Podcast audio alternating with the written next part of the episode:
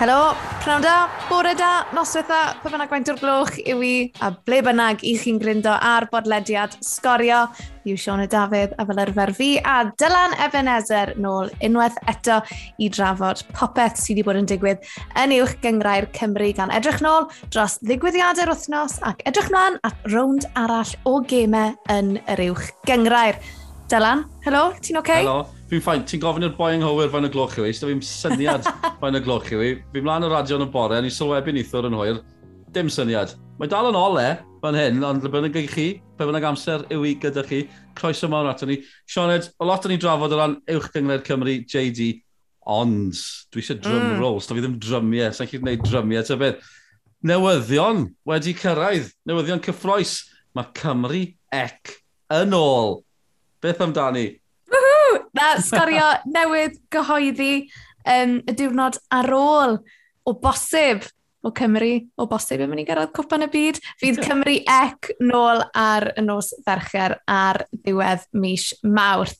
Bydd y gêm yn digwydd lan yng Nghernarfon a dyl, faint o flynydde sydd wedi bod? Dwy, tair blynedd? O, Os dwi'n syniad, ti wedi drysu fi nawr achos, achos Covid.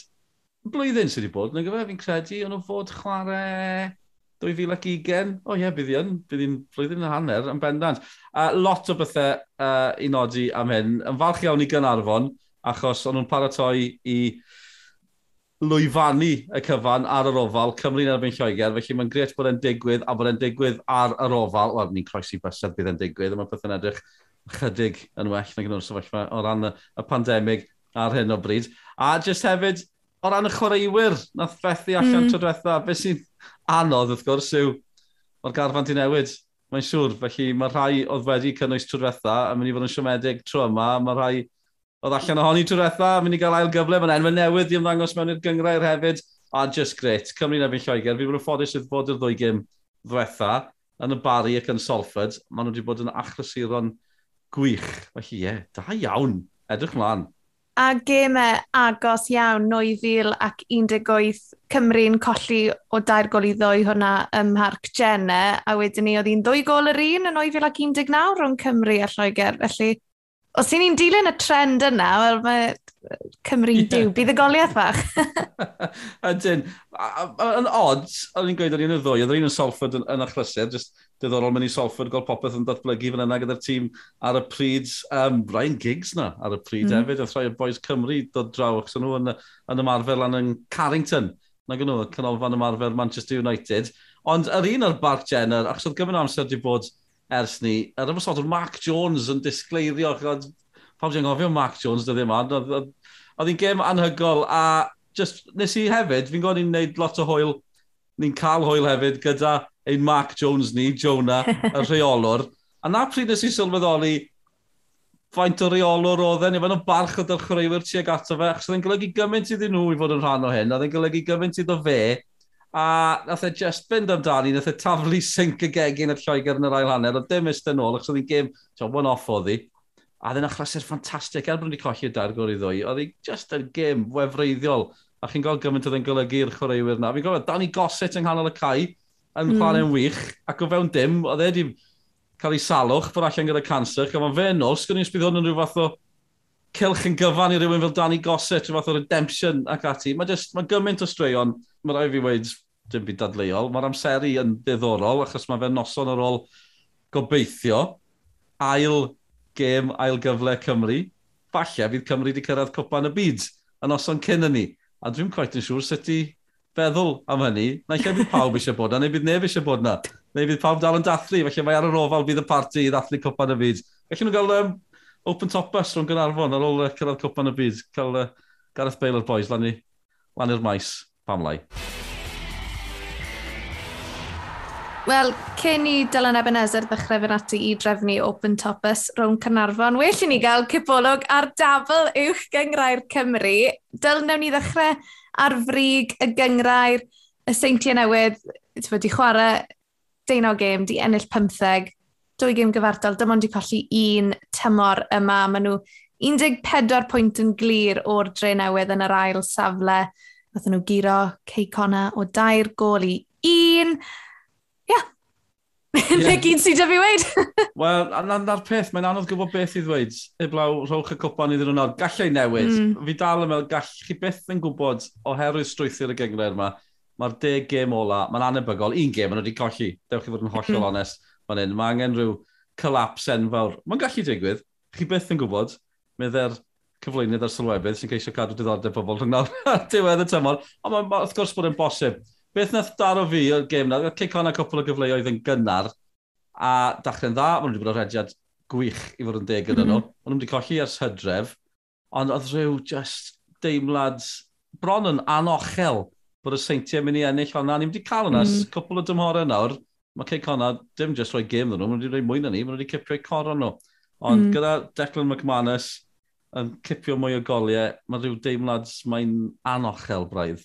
Ie, yeah, cofio, trwy, nes i ofyn Craig Harrison ar ôl y gêm, achos mae prif sgorio nhw dy tair gol tymor yma o ran Cey Conor, os ti'n cymaru hwnna gyda rhywun fel Declan McManus sydd wedi sgorio 17 gol a wedi creu 5, fi'n teimlo fel taw fe yw'r gwahaniaeth rhwng y seintiau a phob tîm arall, achos o'n i bai am o bosib mae gwael i fi, twyd, sneb arall yn dod yn agos i Declan McManus tymor me. Mae fe ar gol y gêm, fwy na lai, mob mm. cystadleuaeth. Mm. Os fi'n cofio nawr, fi'n credu 24 mewn 4 ar 20 ym mob cystadleuaeth. Rhyw sut, y gol gyntaf gath e, nath e fethu'r cyfle gorau, ond oedd e dal yna i gael rhyw tapin. mae fe'n sgorio goliau scrappy. Tyd, a mae hwnna just... Allwch, gallwch chi edrych a dadansoddi gemau gymaint o'ch eisiau, ond chi'n gweld gol pob gêm. Come on. Pwy yeah. fydda ddim eisiau chwaraeon fel anach tîm?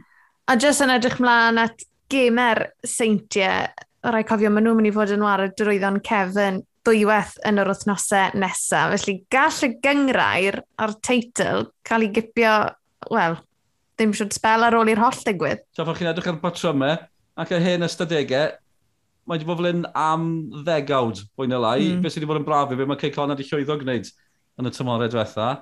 A falle mae dyna pan mae'n siomedig tymor yma, bod nhw ddim wedi adeiladu a beth bynnag yw'r rheswm, diffyg buddsoddiad, y penderfyniad tu ôl y llenni, Andy Morrison yn gadael, tiod, 30 pwynt sydd ar ôl. Unwaith chi'n mynd i'r holl, fel petai, mm. 30 pwynt sydd ar ôl, maen nhw 14 pwynt yn glir, a falle byddan nhw'n glyriach, os mae'n ar term yn fwy clir erbyn yr holl gyrraedd hefyd. Ie, yeah, mae'n um, oh, mae anodd iawn, mae'n mynd i fod yn amhosib stopio nhw fyddwch chi'n tyfio. Ond ewn ni gario ymlaen, gwylio, jyst rhaid gofn. Falle bod y diolch i gyd i'r rheolwr, Anthony Limbrick. Mae'n gyferiad diddorol. Na'n gwyth Sioned, a eto, ni sôn am Declan McManus, neu bych chi cwyno am y gyfraniad e. Fi'n ame, bydde'r perchenog, Mr Mae Caris yn chi cwyno am be mae'r rheolwr wedi gwneud sydd yn hyn. Wel, ie, yeah, achos fi'n cofio pan gaf Limbrick y swydd, yn amlwg oedd e'n enw hollol newydd i'r gyngrair sydd ddim yn digwydd yn aml iawn. Fel arfer i ti'n gweld, ta pan mae reolwr newydd yn cael ei benodi yr un enwau sydd wedi bod o gwmpas y lle am ryw 10-20 mlynedd, um, sydd o gwmpas Anthony Limbrick, rhyw fwy o Australia, neb wedi clywed amdano fe'r blaen ond mewn. A fi'n credu actually bod hwnna wedi helpu, achos bod e'n enw mor newydd, mae fe wedi dod a'n amlwg um, mae fe'n disgo lot o'r chwaraewyr, um, a fi'n credu bod y chwaraewyr yn disgo lot wrtho fe hefyd, um, a mae just, twyd, mae pethau... Sdim byd yn mynd yn anghywir ar hyn o bryd, a ti'n gallu gweld um, bod e'n parchu'r chwaraewyr, bod y chwaraewyr yn, chwaraewyr yn parchu fe, a hefyd mae fe'n fwy eitha clen. Mae fe wastad yn rhoi cyfaliadau neis i fi, so fi wastad yn gwerthfarogi yna. Dewch ni glywed un o'r cyfaliadau yna felly. Work rate effort matching up with that team physically. I think we, we always say to the players that we are chasing Connor's key still, regardless of where they are in the table, regardless of where the points are. It's always a huge game and always a tough game and a big rivalry there. So performance maybe not as good as we liked, but to get the three points was massively important after the little break that we've had. That's a really interesting point because considering the gap between both teams, we could see just how much it meant to you at the side of the pitch because your emotion after you scored the goals was quite mm. something. Well, listen, it, it means everything to everyone. We work ever so hard here. We've really improved our work rate. The players have been fantastic. The staff are doing more hours, and we, we it means a lot to us when we score and when we win, and, and it's important. Like I said, we're still chasing them, and and and and that's what we want to strive. We want to strive to get better and strive to improve. And although we didn't perform as well as what we liked tonight, probably didn't pass the ball as well as we would have liked. It was really important to get those three points. Rheolwr y Seinti Newydd sy'n dyn hapus. Wrth gwrs bod yn dyn hapus. Pam bydde fe ddim yn hapus? Pam nhw 14 pwynt yn glir ar y brig. Just, ni'n sôn mai dim ond un gêm wedi colli, dim ond dwy gêm gyfartal wedi cael. Mae'n ma ma dipyn mm. o hmm. record, mae nhw'n ma nhw heiddi'r clod, mae nhw'n heiddi bod ar y brig. Pwy sy'n dod nesaf yw'r cwestiwn, fel ni wedi gweud yn aml, tymor yma, mae pethau wedi newid o ran Ewrop, felly dim ond un safle sydd yna yn y gyngrair o ran Ewrop, wel, mae pencampwr yn mynd drwodd, yr ail safle, tre newis sy'n ar hyn o bryd, mae mor agos. Ni'n gweud hyn bob wythnos hefyd, ond mae jyst yn ras. Dwi'n cael y teimlad falle mae ras rhwng tri yw i erbyn hyn. Tre newydd, mm. Flint a Pen y Bont. Dwi ddim yn siŵr, mae rhywbeth yn gweithio bydd Ceicona, Canarfon a'r Bala ddim yn rhan o'r fwydyr i gyrraedd oh. yr ail safle. Beth ti'n oh. meddwl? Fi'n credu er bod pethau heb clico i nhw tymor yma, byddwn ni ddim yn surprise bod Cey Conan mynd ar rhyw fath o rediad um, cryf iawn tuag at ddiwedd y tymor, jyst achos y meddylfryd na o ran, maen nhw wedi ennill y gyngrau'r ddwywaith a fi'n credu there's no way mae Craig Harrison yn mynd i adael i'r chwaraewyr na pyd o gorffen mor uchel a maen nhw'n gallu, achos... Mae pawb yn... Mae cwpl o bobl wedi gweithio bod nhw'n ail, a fi wedi gweithio, oh, mm. siŵr, a mae pawb yn gweithio bod fi'n anghywir. Felly, falle bod nhw... A tiod, ar ôl gweud hynny, cyn colli nefod y seintiau newydd, oedd i'r rhediad nhw. An, oedd e fel rhediad yr hen Ceicona. Ond diol, diolch yn saith, ond wedi colli y sydra. Felly, ond digon teg, felly dyna ni daflu Ceicona mewn na. Oce, okay, na daflu pawb nôl mewn na. Ond na, gewn ni weld, gewn ni weld. Mae rhyw deimlad, mae Pen y Bont yn gwneud mor dda ar un o bryd. Fi'n gwybod yn y ffilm yeah. Aberystwyth, a oedd am amddiffyn Aberystwyth yn erchill, ond mm. Ben y Mŵn nôl hefyd. Ni sôn am Cymru Ec, helo, helo. Ie, yeah. mae teimlad dad fi am Ben y Bont, achos fi'n teimlo, ers oed yma'n un chwaraewr yw e, fi'n credu maen nhw wedi mae'r ffaith bod nhw wedi dod â Sean MacDonald mewn, a hefyd bod e'n warau yn yr amddiffyn, a nebeth sydd wedi bod ar goll i Ben y Bont dros y tymhorau diwetha yma, yw'r arweinydd neu rhywun sy'n really solid yn y cefen. Chos fi'n cofio nôl i'r gêm ail gyflen yn erbyn y dre newydd, a o'n nhw mor, mor siomedig bod nhw wedi colli hwnna um, i, i gyrraedd y rownd derfynol, i o bosib gyrraedd Ewrop, a o ti'n tymlo na beth oedd yn eisiau oedd y profiad na, felly fi'n credu mae'r ffaith bod Sean MacDonald wedi ymuno'r garfan um, yn rhywbeth rili, really, rili really gyffroes, a fi'n, ie, mae tymlad, fi'n credu gallai pen o bont fod yn stori anhygoel o bosib. Yeah. Na, cytuno, cytuno. Oedd hi'n braf gweld jyst gweld y lluniau, ond wedi bod yn sgwpl wythnos, os neb wedi bod yn sgwpl wythnos, achos y toriad yn y tymor, lot yn gwylio hefyd, lot o swno, lot o mhm. gyffro. Mm. Maen nhw'n trio adeiladu rhywbeth nawr. Rwy'n chi barchu hynny yn fawr, achos maen nhw wedi un o dau glwb. Dwi'n mynd hawdd dod o clwb newydd yn y bôn at ei gilydd. Mm. A, a mae Rhys Griffiths yn reolwr, a mae'n fwy na reolwr, achos mae'n gwneud lot o waith tu ôl y llenni. Mae fe'n treoli ored sy'n gael ysgolion lleol yn rhan o'r prosiect, ni'n hoffi'r gair na y prosiect. Na gen i, a sôn am Sean MacDonald, yw sgorio wedi bod yn siarad â Sean MacDonald digwydd bod? Gen i uh, weld cyfaliad dros yr uh, dyddiau yr wythnos nesaf? Na gyd na i wedi, sa'n credu bydde lot o Bill Droedwyr yn cytuno wneud cyfweliad ar y trath, tu fas, yng nghanol mis Ionawr. Ond fe nath Sean MacDonald gytuno i gwrdd â fi lawr yn Blacktail bore yma, felly bydd y cyfweliad yna mas cyn bo hir ar gwefannau cymdeithasol sgorio. Fi'n cofio teithio rwle, da'r tîm Dani un ar hugen. O, fi'n yn cyfnod na pan oedd Ramsey a Gynter ein i gyd yn dod drwodd a Sean McDonald yn rhan mawr o'r tîm yna. A o'n i, yn rhyw maes awyr, a ni'n trio prynu perfume yng nghariad, sy'n awr ymraeg i fi, felly nes i ddewis rhywun cywir. Nath e helpu fi ddewis, nath e rownd y fi, rownd duty free, and uh, just, uh, nath e wirioneddol, falle bod yn bod, fi'n gwybod beth oedd e, a ddim yn, oh, what you gonna buy? A drial diddordeb da fe, a nath e helpu fi ddewis perfume yng nghariad sydd nawr yn Beth oedd y perfume? Ti'n cofio? Os dim syniad dy fi. Na, does dim syniad dy fi. Na i ofyn dy fi. Mae'n fath o boi bydd y yn cofio. Felly ie, diolch i Sean MacDonald. Felly bod wedi rhoi chwarae rhan fach yn, uh, yn sicrhau bod fi wedi cwrdd ar uh, person fy mreiddwyd. The Girl of My Dreams fi'n trwy cyfieithu ar y pryd fan hyn.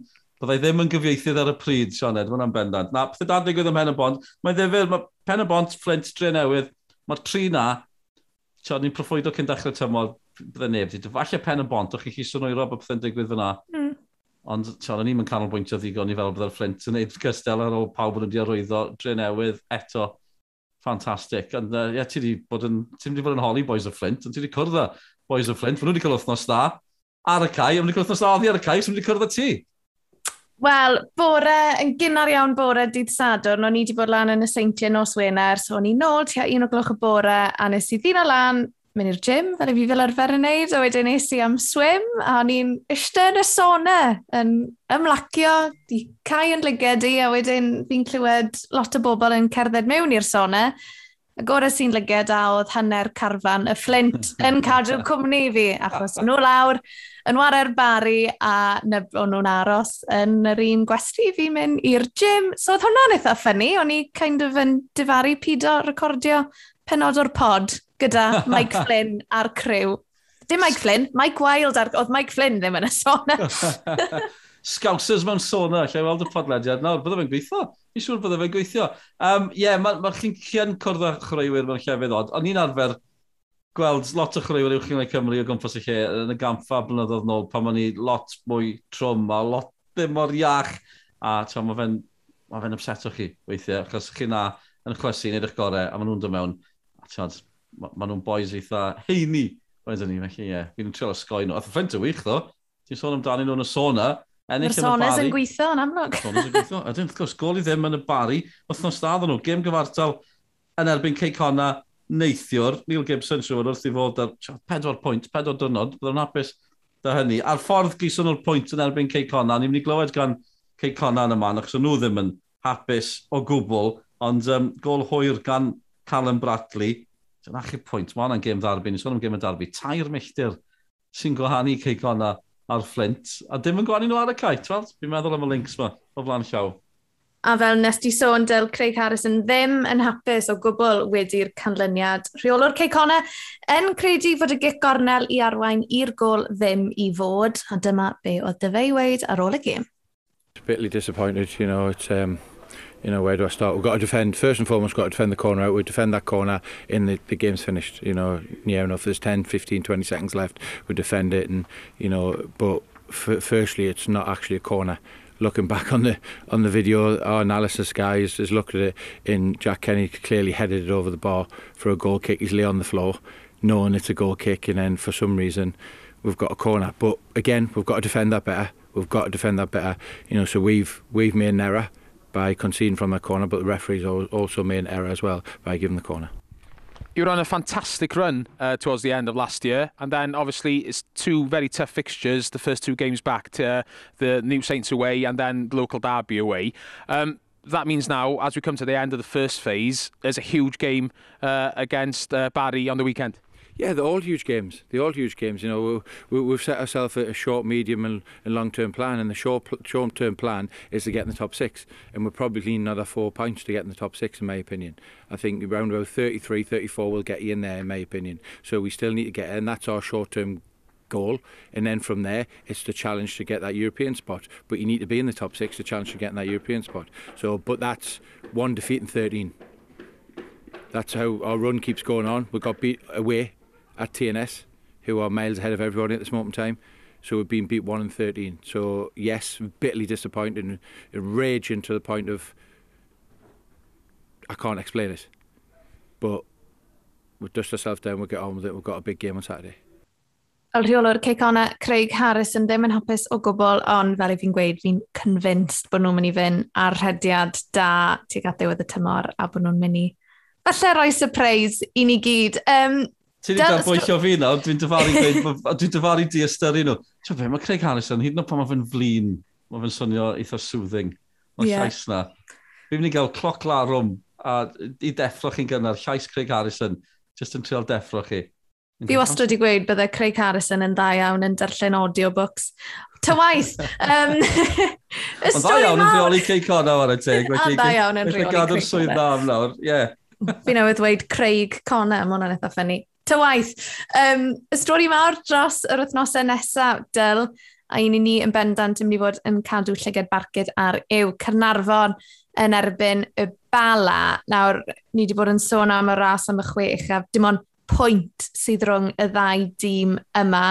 Cynarfon yn weched ar 27 o bwyntiau, Bala yn seithfed ar 26 o bwyntiau, a mae yna gemau anodd iawn yn dod lan i'r ddau dîm, achos mae rhaid nhw wario i gilydd. Ie, yeah, na'r peth. Wario ei gilydd ddwywaith, felly, Chad, Mae'n mor syml hynny, am o'n y gemau na sy'n mynd i benderfynu pwy sy'n mynd i gyrraedd yr hanner uchaf, fi mor syml a hynny, ni drafod y clybiau tu ôl nhw yn y man, achos o'n i'n gwylio Met yn erbyn y bari uh, yn yr wythnos hefyd, so mae'r Met dal yn ddi o bosib.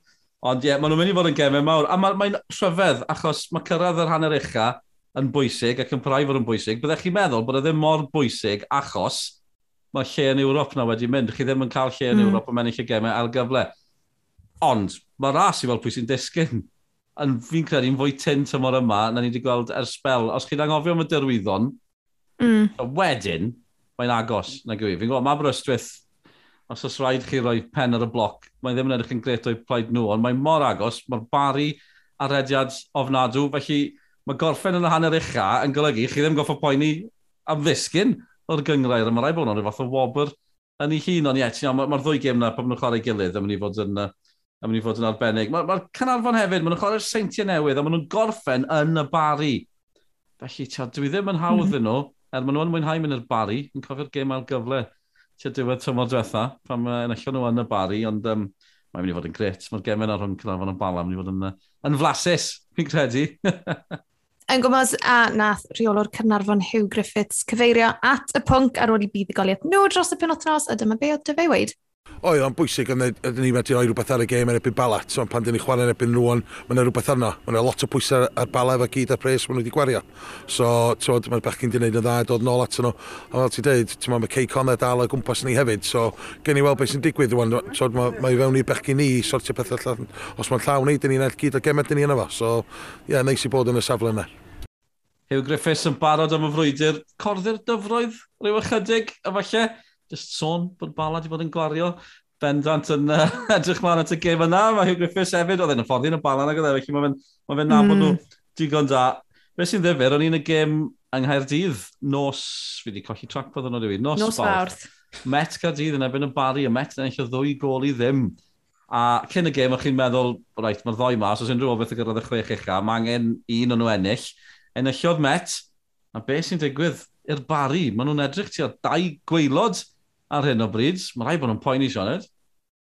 Na nhw, a fi'n gwybod fi wedi sôn am hwn loads ar y podlediad yma, ond falle bod ti'n mynd i fod yn iawn o'r ddiwedd y tymor dyl pan nes ti broffwydo bod nhw'n mynd i fod tuag at y gweilodion, ond oh, yeah, o ran Barry, o'n i'n watchan y gêm yn erbyn Met Cyrdydd, mae rai fi cyfaddau oedd gêm Abertawe dy fi ar un sgrin a wedyn Barry yn erbyn Met ar y sgrin arall. Falle o'n i'n canolbwyntio bach fwy ar y Swans, ond perfformiad gwan-gwan iawn gan y Barry a stym rhyfedd oedd Gavin Chesterfield just, just mor ddigalon ar ôl y gêm a bod mae ildio goliau a ildio goliau dylsyn nhw ddim i fod yn ildio, di bod yn, yn, yn broblem enfawr ac yn parhau i fod yn broblem enfawr.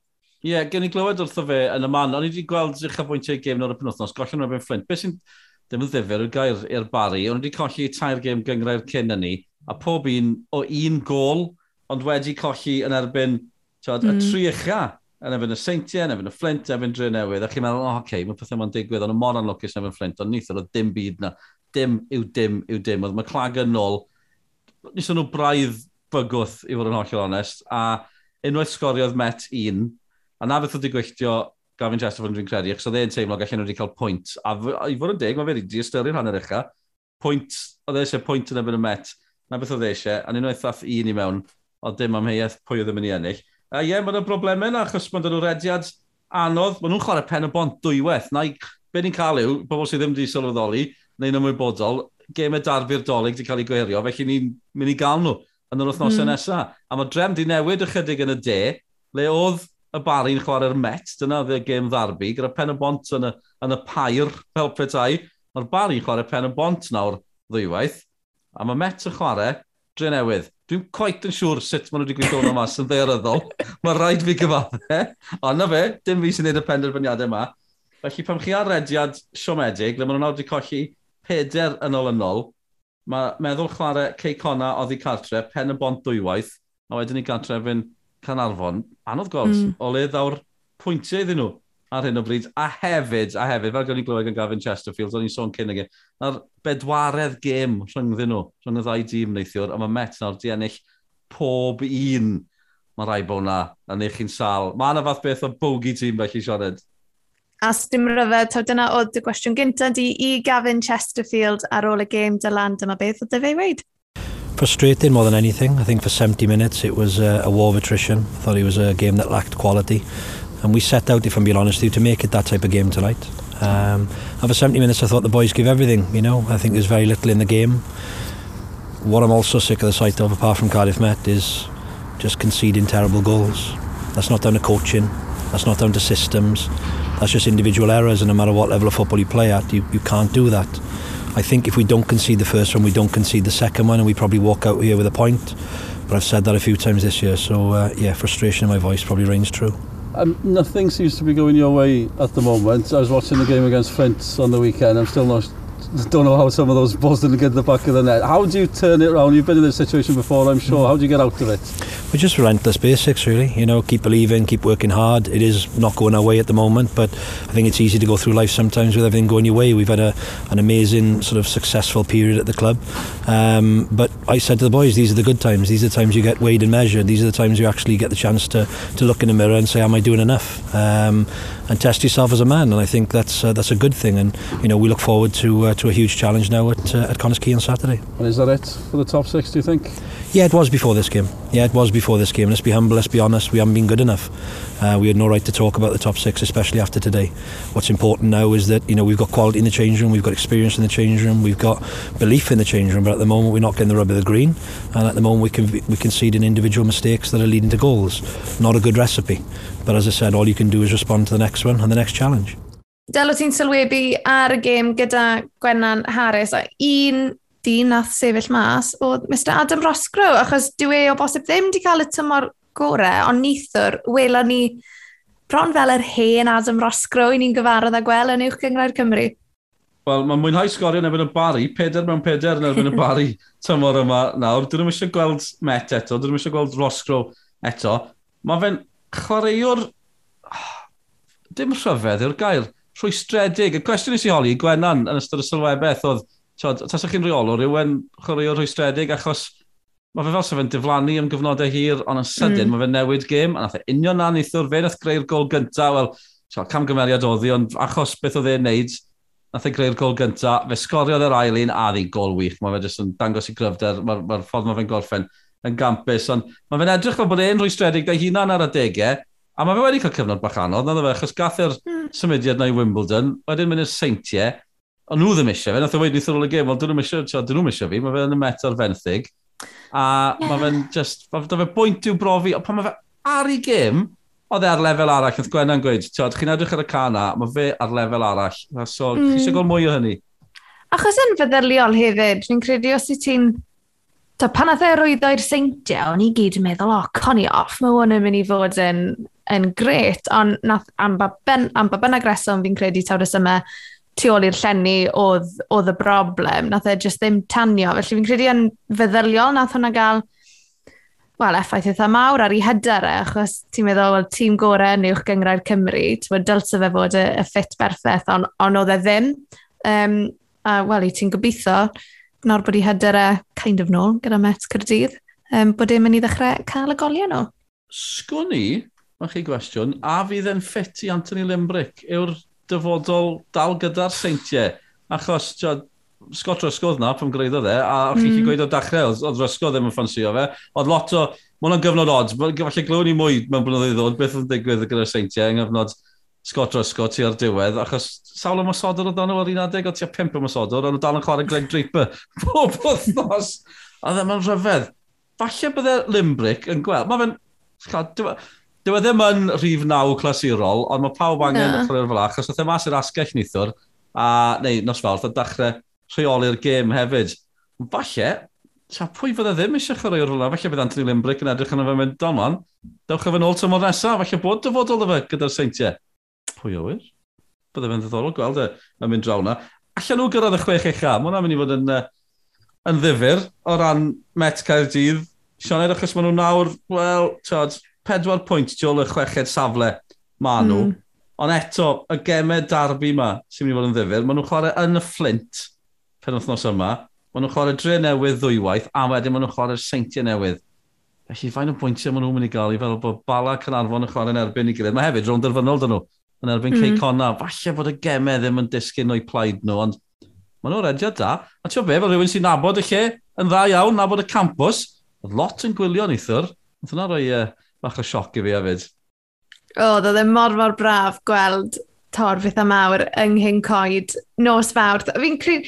O ran met, ti'n eitha reit o ran falle bod trefen y gemau wedi mynd yn ei herbyn nhw a achos bod cwpa Nathaniel gyda nhw fi'n credu am ffordd i Christian Edwards orffen i amser gyda'r tîm trwy ennill bach o, bach o silfo e, fel maen nhw'n gweud. Fi'n credu bydd o'n an, anreg tyta eitha neis. Um, os taw hwnna'r flaenoriaeth dros y gyngrair, i ni ddim yn gwybod. Um, a gewn ni weld, fi'n credu, yn bersonol, sa'n credu bod digon gyda Met Cyrdydd i gyrraedd y chwech. E. Ti eisiau fod yn iawn, ie, yeah, o weld, o weld, rhwng popeth, rhwng y gemau, gweld bala a cnafon e-, yn chwarae gilydd. A mae'r gemau ma'n, mae tîm eraill yn chwarae gilydd. Aberystwyth Holford, wythnos nesaf, os fawrth nesaf, mm. yn fyw eto ar-lein gyda ni honna yw'r gêm ddarbu. Allech chi'n cael? Wel, Bala Cynarfon, maen nhw drws nesau gilydd. Aber y Holford drws nesau gilydd yn brwydro aros yn y gyngor. Maen nhw'n chwarae gilydd ddwywaith. Felly, uh, maen wythnosau nesaf yma. Mae'n mynd i fod yn... Um, yeah, fi'n gweud y tro amser, dim difyr yw'r gair os chi'n ei chanol. Mae'n ddifyr i ni. Sa'n credu bod ni'n ddifyr i Antonio Corbisiero. Six pointers, Del, na beth yes. sydd ni. Na beth ni'n hoffi. Ni yn hoffi reina. Ie, gan bod ni sôn am y gemau pwysig yma, dewch ni glywed gan reolwr Aberystwyth Antonio Corbisiero. Wthnos nesa, maen nhw'n dathlu ei milfed gêm yn uwch gyngrau'r Cymru JD. Maen nhw wedi bod yna o'r tymor cynta, ond a fyddan nhw yna tymor nesa Na beth sy'n poeni nhw. A dachrau Ion nawr, na gyd o'n i'n clywed, oedd bod nhw'n mynd i feddsoddi, bod nhw'n mynd i brynu chwaraewyr, mm. denu chwaraewyr mewn trawsnewid y garfan. Uh, Dwi'n wedi digwydd hyd yn hyn, gen i glywed mwy am hynny nawr, gyda Antonio Corbisiero. Yeah, um, it's been a very difficult window. Um, um, we've had players agreed, um, and then last minute that they've uh, they've gone elsewhere. They've been taken from underneath us. Um, so uh, I'm, I'm learning quickly that things uh, are never confirmed until they're, they're actually signed. So um, we are we have been active since the start of January. Um, and, we, and I'll continue to do that because um, we are looking for experience because we are, like you say, we are a young side. Um, there's bags of potential in there, um, but I think we're just missing a few little leaders in there just to, to see us through the moments if we do go 1 0 down. Someone just pull us in together and say, look, get in here, next 10 minutes we stay solid. And um, I think we need to learn from that and we, we need to learn really, really quickly. Otherwise, it's going to be a long 14 games to go. But we are going to be, um, we are hopefully going to be bringing players in. And to look forward, Antonio, you know, the next three games, Kevin Druids and the double header against Halford West, these are critical games for Aberystwyth Town. Huge, absolutely huge. Uh, and I made it quite clear in there that um, they need to get on the same page as where Steph Davis was today. Because I'm telling you, if, if we get people turn up and put a shift in like Steph Davis, we'll be okay. But if they want to turn up and start performing like we did the first, well, after the first seven minutes when we did okay, um, it's going to be a long 14 games and we're going to find ourselves in a difficult situation. Na ni, Antonio Corbisiero. yn gweud bod nhw'n, wel, di stryglo yr oedd chwaraewyr a dal diw, ti'n dod o Aberystwyth, diw e ddim yn le mor wael a ni fyw a chwarae pil rhod? San Francisco Cymru, Sean Ed, yn ôl Dave datblygu, fi'n gweud hyn trwy'r amser. O Aberystwyth, fi'n meddwl bod fi wedi gadael Aberystwyth, tua 5 mlynedd nôl, mae bron yn 30 mlynedd ers fi gadael Aberystwyth. Mae rhaid fi, pan ni sôn am hyn, mae hyn o ddim byd newydd, Denny Chwaraewyr i Aberystwyth, oedd Meirin Appleton, sef, oh, y legend i hun, cyn reolwr Aberystwyth, rhywun yn holi iddo fe, pam ddyn anodd Denny Chwaraewyr, o'n i mewn lle anodd yn ddeiryddiol, ond o'n i pysgod un ochr, defed ochr arall ond dweud y cyfan. Ond yn y canol, mae'r dref ma, rhyw drysor o dref. A ie, yeah, dewch chi am yr ysgwydd. Er, neu unrhyw glwb arall yn uwch y Cymru, JD, dyn ni roi'r asterix bach na ar ddiwedd y frawddeg. Ond ie, yeah, maen nhw'n brwydro am ei dyfodol, maen nhw'n uh, mae mynd i fod yn anodd iawn iddyn nhw. Anodd gweld pwy fydd yn disgyn. Falle, os chi goffod mentro, falle mae nhw yw'r ffefrynnau i fynd gyda dyrwyddon. Ar hyn o bryd, mae'n allai thynnu newid. Ti di sôn am ddefed, byn ni yng nghanol y defed, Nos Wener, achos ein gêm byw, Nos Wener yw y bala yn erbyn y dre newydd. Y robiniad yn hedfan yn yr ail safle a'r tri blaenwr yn allweddol i lwyddiant tîm Chris Hughes y tymor hwn, Aaron Williams 13 gol, Nick Rushton 8 gol a Mwan Dwe gyda 4 gol di creu 7. Del gyda, oh, fel i ti'n gweld yr un yma, mynd nos Wener, achos hwn fydd yn fyw ar sgorio. Wel ie, yeah, edrych mlaen, byddai'n sylwebu ar hon hefyd. Um, Mae beth sy'n taro chi, gan i glywed gan Colin Cater yn y man, oedd e eitha hapus da gêm ddi sgôr yn ebyn met, felly bod hwnna'n dweud llawer am mm. ble maen nhw wedi bod arni'n amddiffynol yn ddiweddar. Maen nhw wedi bod yn ildio lot fawr o goliau. Um, cwpl o gemau ddi sgôr cyn y toriad, un yn erbyn Hwlffordd, ond tiad, ildio, ildio o dair yn erbyn dyrwyddo'n cefn. Mi'n gwrdd enillio nhw o bimp i dair, ond mae'n rhaid chi feddwl, tiad, Mae hwnna'n taro chi. Peder ebyn y seintiau, peder yn ebyn Cey Connor. Ildio lot fawr o goliau. A yn dîm, mi credu oedd lot o bobl o ddechrau tymor yn meddwl, dyma hi, dyma i tymor nhw, maen nhw'n mynd i herio tu ar brig, yn wedi gwedd yn digwydd gyda Cey Connor. Ond dwi ddim wedi digwydd, felly ie, diddorol clywed Colin Caton yn just yn falch bod e wedi cael gêm ddi sgôr. Mae'n fi'n mynd gwybod, mae'n anodd iawn proffwydwy. i. Mae ma, ma, ma balan dîm da. Mae Drenewydd mm. yn dîm da. Mae'n agos Felly mae rhyw deimlad o fi, falle bydd Balan mynd â hi. Ond beth yn y byd ydw i'n gwybod am y pethau yma?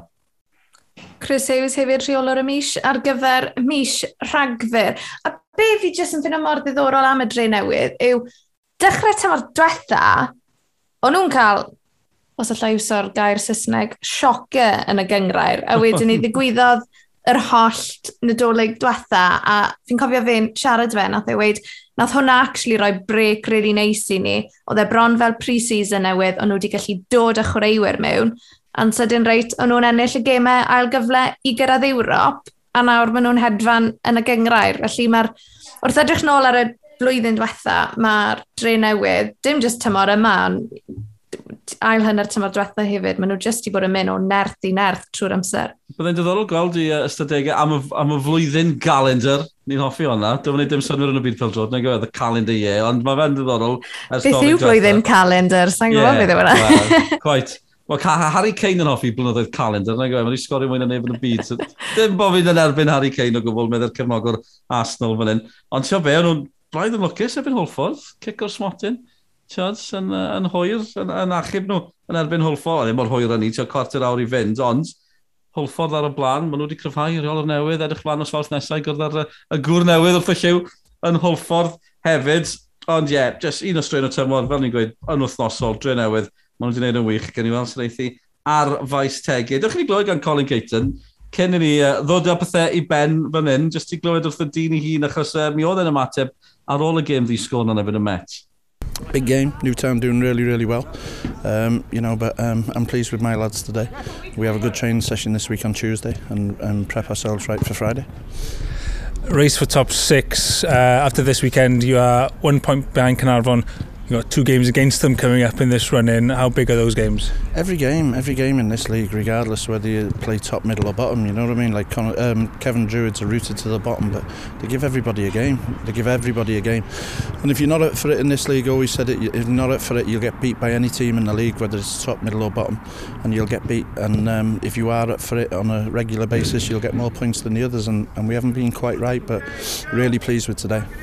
Gen i glywed lot mwy gan Colin Caton nos Wener na'r gêm fyw. Cofiwch amdano ni'n fyw ar-lein o Faes Tegid. Dwi'n sylwebu, Sioned yn cyflwyno beth arall sy'n man pan othos yma. Sioned, ar ran y gyngrair hynny yw, dwi'n eisiau cipolog ar dy ddyddiadur. Wel, o ran y pêl-drod, mae Cynarfon yn herio'r seintiau. Gym ddiddorol, Holford yn erbyn Pen y Bont, a wedyn Aberystwyth yn erbyn Dyrwyddon Cefn, a wedyn ni dydd sadwn fydd Cey Cona yn gwynebu'r Bari, a wedyn y Flint yn erbyn Met Cyrdydd, a bydd yr uchaf bwyntiau fel arfer i gyd ar wefannau cymdeithasol sgorio a hefyd ar sgorio nos lun. Just cyn mynd hefyd, just i atgoffa beth sy'n digwydd yn y cyngreiriau is, gan bod yna glybiau yn disgyn, clybiau mm. yn esgyn, achos y toriad, maen nhw wedi cael toriad hefyd, mae wedi bod bach yn rhyfedd. Oedd cyntaf yn cwrdda trydydd yn y de, pont y prydd ar y brig, llan sawel yn drydydd, y ddau dim wedi bod yn sgorio llwyth o goliau tymor yma, chi'n gwybod beth sy'n dod, oedd hi'n ddisgwr. A nath uh, Llanilltid fanteisio yn ennill o dair gol i ddim yn erbyn Llanelli yn y gyngrair yna. A yn y gogledd, Ebyst yn colli, dim ond am yr ail dro tymor yma, Trethyn yn ennill o ddwy gol un. Llandudno yn methu cymryd mantes, nhw'n colli yn ebyn treffynon, a werth nodi hefyd, o'n i sôn am Steve Evans, nag o'n i rheol newydd bai Colwyn, gêm gynta, ennill o chwe gol i un yn erbyn Llanedloes. Big Steve yn neud i fel rheolwr, felly chwarae teg iddyn nhw.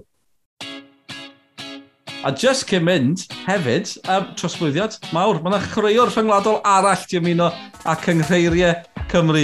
Sean Eddy, sôn am Steve Evans, oedd yn y tîm Cymru am gyfnod, yn yr un cyfnod a Steve Evans, mae Paul Parry wedi arwyddo i risga yng Nghyngrair y De. Mae hwnna eitha random.